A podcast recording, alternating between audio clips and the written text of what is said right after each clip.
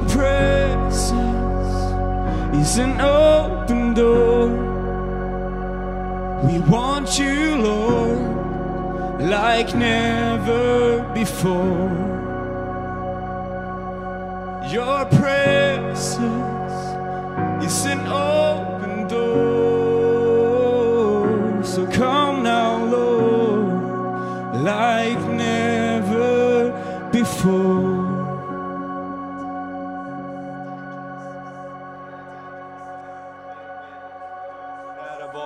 hemma som sitter och tittar just nu. Herre, du vet precis den tid vi lever i, du vet vad vi går igenom just nu, vilka begränsningar det finns, men också vilka möjligheter vi har att tillsammans få prisa dig och på det här sättet bara komma tillsammans. Och jag bara ber helige Ande, och det står att det finns inga avstånd i, i andliga världen. Tack att den atmosfär, den närvaro av Gud som finns här på den här platsen just nu, bara fyller varje hem, fyller varje soffa, fyller varje plats där mina vänner sitter just nu. Herre, vi bara ber. Det här året, Herre, så sträcker vi oss efter mer av dig, Herre. Tack Herre att du berör våra hjärtan. Tack att vi får lä lära oss att leva, Herre, i din närvaro, Herre. Vi bara ber, vi bara ber, Herre. Så kom helige Ande, kom och smörj mig att tala ditt ord. Kom och smörj varje öra att lyssna, Herre. Vi ber, Herre, i Jesu Kristi namn. Amen, amen, amen. Och allt folket sa det. Amen.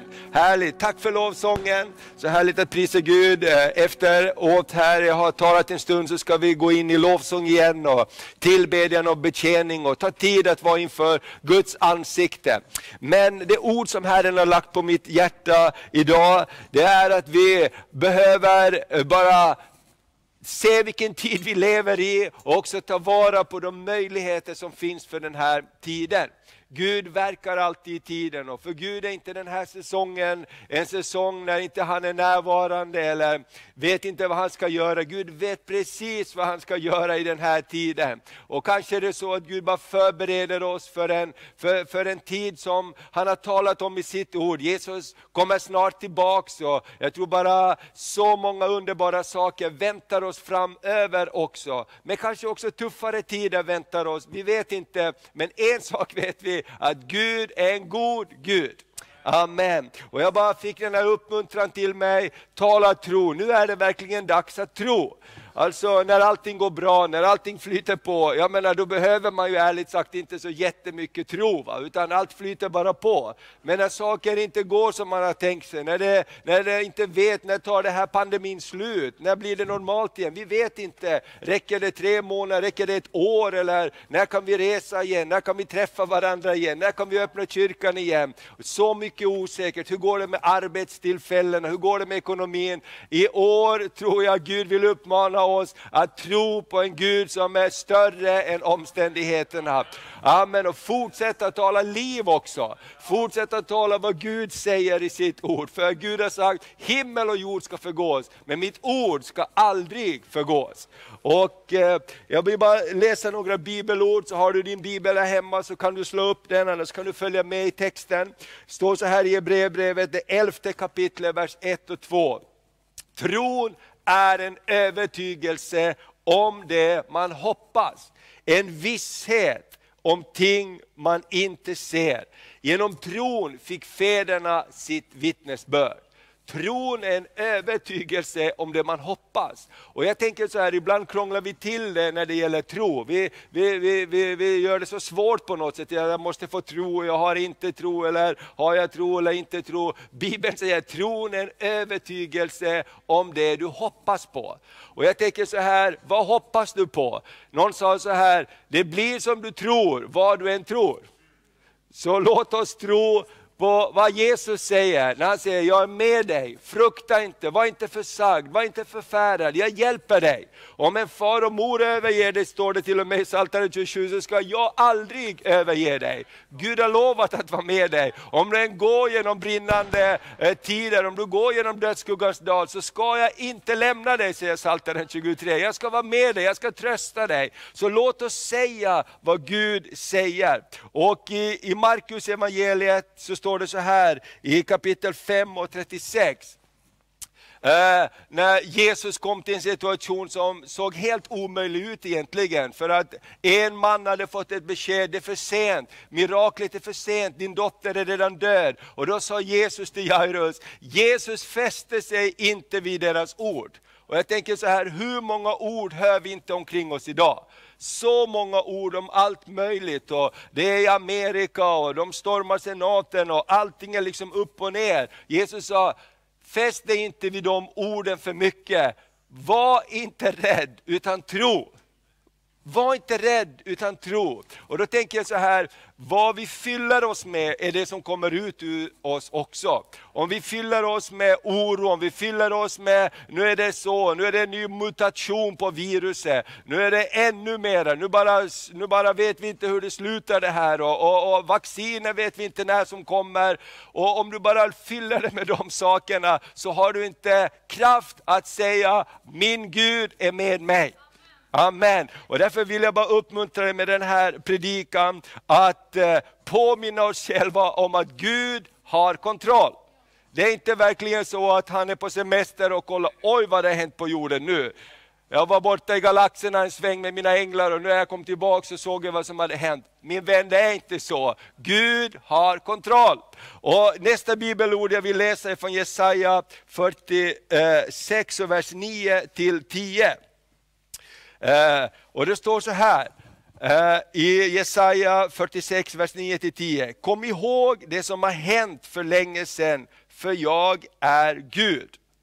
Och det finns ingen annan Gud, ingen som jag. Jag förkunnar från början vad som skall komma och långt i förväg det som inte har skett. Jag säger, mitt beslut ska förverkligas. Allt jag vill kommer jag att göra. Min vän, Gud har kontroll. Och Jesus talar om tidens ände också, att det kommer en dag när jag ska komma tillbaks med alla de mångtusen änglarna och jag ska Eh, jag har gjort i ordning en fantastisk fest i himlen och jag tänker så här, låt oss inte tänka att det är så otroligt långt borta, utan låt oss leva med perspektivet som Gud har gett oss i sitt ord. För då blir vi också mera benägna att ta oss igenom olika saker, därför vi har inte bara vårt hopp till det som är här. Och kom ihåg, det vi möter just nu, det är det som Gud har sagt i sitt ord, att kommer att ske olika saker. Och det betyder inte att det här är från Gud som vi går igenom, men det som vi läser till exempel i Uppenbarelseboken, det är ju inga trevliga saker. Men det står där att det ska hända. Och jag tänker så här, hur får vi kraft att härda ut när prövningen kommer emot oss? Jo, vi måste fästa våra ögon på Herren. Vi måste fästa våra hjärtan vid någonting som är större än det som är runt omkring oss. Hur ska vi kunna säga, var inte rädd, bara tro, om vi inte har fäst våra ögon på honom som är större än omständigheterna. Så jag bara tror det, amen. Prisat vare Herrens namn. Så låt oss, be, hur, hur bevarar jag mitt liv med Gud i allt det nu som vi går igenom? Kommer vi närmare Gud eller glider vi allt längre bort ifrån honom när vanorna förändras? För det är inte att sticka under stol med att när allting är annorlunda, vi kan inte göra det vi brukar göra, vi kan inte träffas som vi brukar göra, våra vanor förändras. Och jag vet kanske många av er sitter hemma i morgonrocken med en kopp kaffe, det brukar du inte göra på söndag förmiddag, du brukar vara i kyrkan.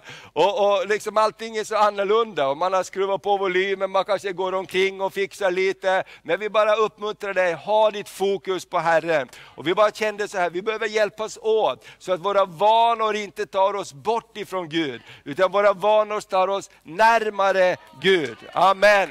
Så, så låt oss bara hjälpa varandra att komma närmare Gud. Därför att när vi går igenom olika saker så, så, så påverkar det oss på olika sätt. Antingen så, så bryts vi ner eller så förändras vi. En kris som man går igenom. Många av oss har mött olika livskriser och vi har gått igenom olika saker. Eh, antingen blir det bättre eller så blir vi sämre. Antingen bygger det upp oss och vi lär oss någonting och vi säger till och med efter en kris, tack gode Gud att jag fick den här erfarenheten för någonting har hänt med mig. Men, men låter vi det bryta ner oss, låter vi oron komma över oss så blir det sämre. I en relation till exempel, Maria och jag, vi har varit gifta över 30 år, 31, 32 år snart. Det, det, är fantastiskt och jag är så glad över henne. Men ibland så är vi inte överens, ibland så vi, eh, kommer vi inte överens om saker och vi diskuterar och pratar. Och, och vet du vad, det är så underbart när man kan komma till en conclusion, när man kan komma till en förening och säga, eller vi går igenom någonting tufft. Vi har varit igenom en brand med vårt hus, vi har varit igenom tuffa saker som har hänt i vår familj. Men när det får smälta en samman istället, så blir det ju saker som gör att vi blir ännu tajtare. Eller hur? Men om man väljer att gå sin egen väg, om man väljer att få sitt fokus på någonting annat, så bryter det istället ner relationen. Och jag bara känner så här, låt den här tiden få vara en tid när Gud bygger upp vår relation. När Gud drar oss närmare varandra, när Guds närvaro blir viktigt i våra liv. Och jag är så glad också, många av våra yngre här i kyrkan har antagit en utmaning att, att, att läsa eller lyssna genom Bibeln på 30 dagar. Daniel, hur går det för dig? Inte bra? Du har kommit en bit eller? Du ligger sex dagar efter. Men det är inte det viktiga. Men jag ser många gör det här jag tycker det är helt fantastiskt att låta Guds ord fylla er. Amen. Och det är så bra med Bibeln, den, den, ligger ju kvar där. Men jag tänker så här, jag har också börjat ut, ta den här utmaningen. Ibland när man går ut och promenerar, du kan sätta i hörlurarna, sätta på Bibeln och Bibelns ord kan komma in i dina öron. Och istället för att du fyller det med annat så fyller du det med Guds löften. Och plötsligt så har du tagit en promenad och du har lyssnat på Efesierbrevet eller Markus evangeliet eller någonting. Och du har fyllt det med hopp och tro istället, så vi orkar möta de där tuffa, de där tuffa budskapen som kommer emot oss. Amen.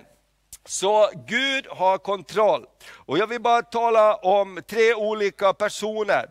Därför att eh, alla relationer fördjupas eller går sönder i kriser. Eh, antingen gör det oss bättre eller så gör det oss bittrare. Och låt oss inte bli bittra människor. Låt oss inte, jag har ett mål, jag vill inte bli en gammal bitter människa. Jag vill bli en glad, bit, gl, glad gammal människa. En glad bitter människa, kan man bli det? Amen. En glad gammal människa. Amen. Som har min glädje i Gud oberoende vad vi möter. Och jag, jag, läste min bibel här och när jag förberedde inför det här så mötte jag en man i bibeln som heter Jakob. Och jag tänkte så här, att låt oss titta på vad som hände för Jakob. Därför står i du vet Abraham, Isak och Jakob talar man om. Isak fick ju två söner, Jakob och Esau, och de bråkade med varandra och Jakob det betyder egentligen bedragare. Och han var jättebra på det. Han bedrog sin bror, han eh, köpte först förlorätten av honom, och han lurade, han ljög för sin pappa, hans mamma hjälpte till. Det var en riktig soppa i den där familjen alltså. Mamma sa, jag hjälper dig, jag sätter lite kind på dina händer och tar de här Esaus kläder så går du in och så lurar vi pappa på förstfödslorätten och välsignelsen.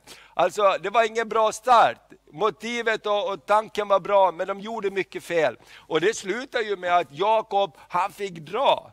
Han måste fly för han säger, när brorsan kommer hem och får reda på det här, vilket han gjorde, då kommer han ju att döda mig. För det här jag har gjort, det är ju galet. Han hade liksom gjort med egen kraft det han ville se ske och allt hade blivit en soppa och han fick fly. Och när vi möter Jakob i den här berättelsen i första Moseboken 28, och vers 10-16 ska vi läsa.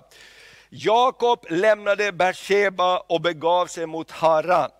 Han kom till en plats där han måste stanna över natten eftersom solen hade gått ner. Och han tog en av stenarna på platsen för att han ha under huvudet och lade sig att sova. Du vet att när du behöver ha en sten under huvudet som kudde, så står det inte jättebra till i livet. Eller hur? De flesta brukar ta jackan eller någonting. Han hade ingenting, han gick, han gick bara därifrån och han fick ta en sten under huvudet. Och så står det så här, eh, då han, hade, eh, eh, då hade han en dröm. Han såg en stege rest på jorden, den nådde ända upp till himlen. Och Guds änglar steg upp och ner på den. Och se, Herren stod ovanför den och sa, jag är Herren din far, Abraham och Isaks Gud.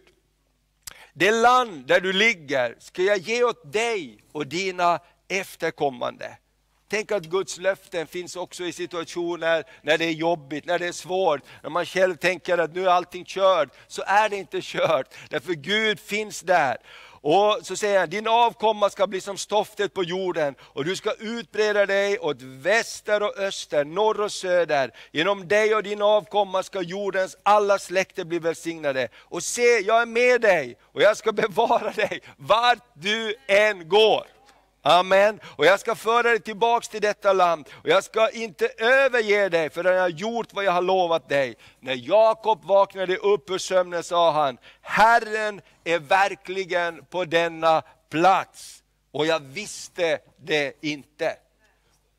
Herren är verkligen på denna plats och jag visste det inte. Och Jag tänker den här tiden vi går igenom och man kan fråga sig, Gud var är du i allt det här? Varför håller det här på? Varför tar det inte slut? Och, och, och plötsligt så kanske vi inte, precis som Jakob, märker, Gud finns på den här platsen.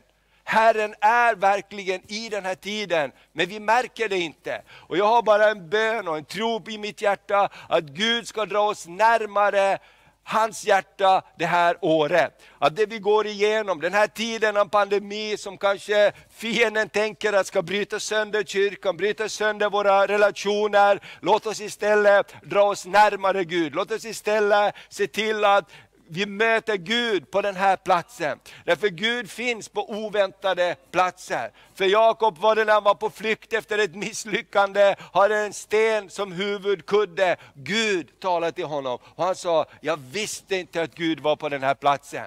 Amen. Så låt oss dra oss närmare Gud det här året. Låt oss bara tänka, Gud låt oss vara till välsignelse för andra människor. En annan situation så tänker jag också att när vi går igenom olika eh, da, ta, dalar i våra liv och när vi går igenom svåra tider, så kanske faktiskt bra saker föds där. Jag kommer att tänka på Jong Cho, David Jong Cho i Sydkorea som har världens största församling. Han är pensionerad nu, eh, jag vet inte, kanske till och med död, jag har inte koll riktigt på det. Men han byggde världens största församling och den bara fortsätter. Och eh, eh, över 800 000 människor, när de har bönemöte så hyr de hela stadion för att bara böneledarna ska kunna vara med. 100 000 är med på en gång. Och jag tänker så här, vad hände att det kunde bli en erfarenhet? Vad hände att det kunde bli en verklighet? Jo, David Jongishuan gick igenom en svår tid, han byggde upp sin kyrka till ett antal tusen personer, sen så fick han ett hjärtfel. Och, och, och han låg där i sin säng och han kunde inte göra mycket annat än bara komma upp på söndagen och predika. Och han sa, Gud varför botar du mig inte? Nej det här kommer att ta tid sa han, därför du måste omorganisera det sätt du bygger din kyrka. Du behöver ta, ta, ta och samla dem i små grupper. Och det var också hans svärmor och andra, och han sa börja med kvinnorna för att de är mera eh, förändringsbenägna. Och så började de bygga eh, världens största system av cellgrupper som finns över hela världen. Och plötsligt, när han låg där i sin säng och bara orkade upp och predika på söndag, så började hans kyrka växa och växa och växa. 10 000, 20 000, 100 000, 200 000 och efter ett tag, några år, så fick han krafterna tillbaks också. Vet du vad, det du och jag går igenom, det är inte slutet, utan det kan bli början på någonting annat. Amen. Gud finns på den här platsen. Och min bön är, låt oss märka det, låt oss se det, låt oss höra Guds röst i det här och låt oss hjälpa varandra att prisa Gud. Så jag bara vill uppmuntra dig, dela budskapet på, på sociala medierna, dela budskapet om hopp.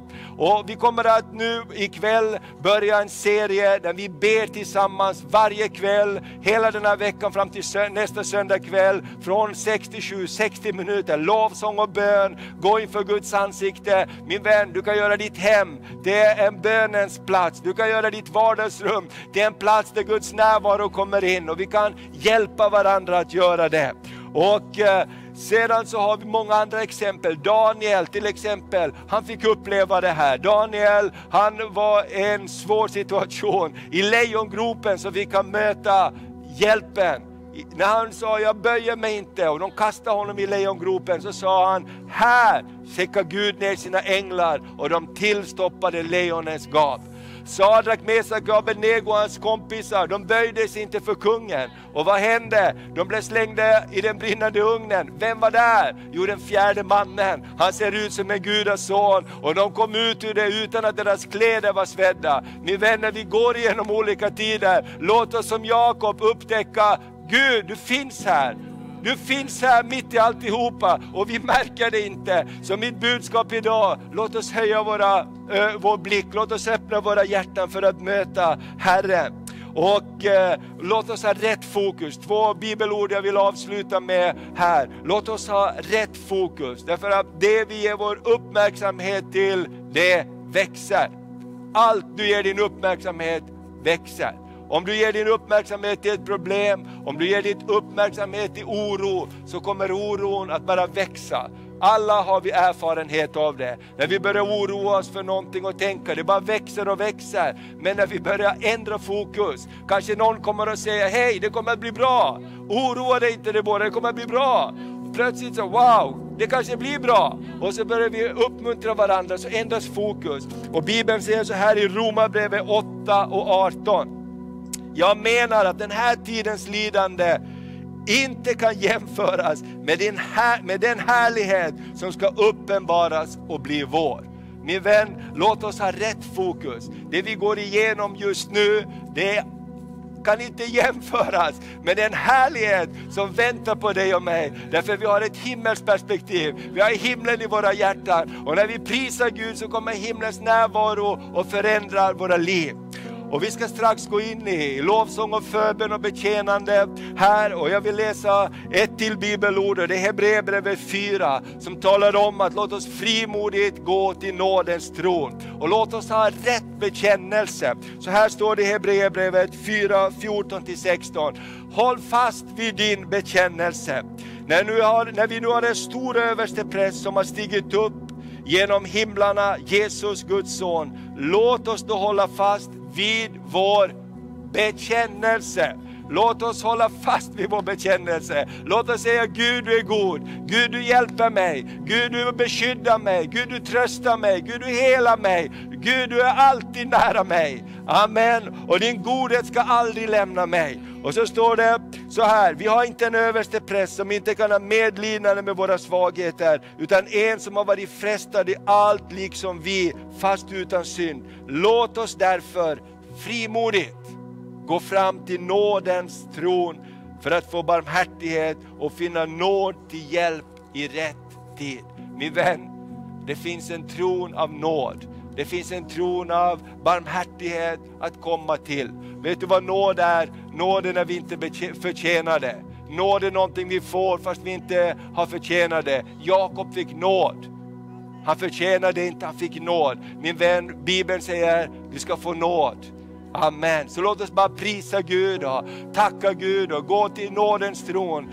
Tillsammans med lovsången här så ska vi bara gå inför nådens tron. Jag bara ber var du än är, hur du än har det, så låt det här ordet Gud, du finns på den här platsen. Fast jag inte har märkt det så ska du se hur din omständighet, hur din närvaro, hur din plats blir en plats av Guds närvaro. Herre, jag bara tackar dig för var och en som tittar just nu. Jag ber för mitt eget liv. Hjälp mig att eh, våra liv ska få vara en plats för din närvaro. För du är mycket närmare än vad vi tror. Och ditt namn är jag, Herren, allestädes närvarande. Låt oss prisa Herren.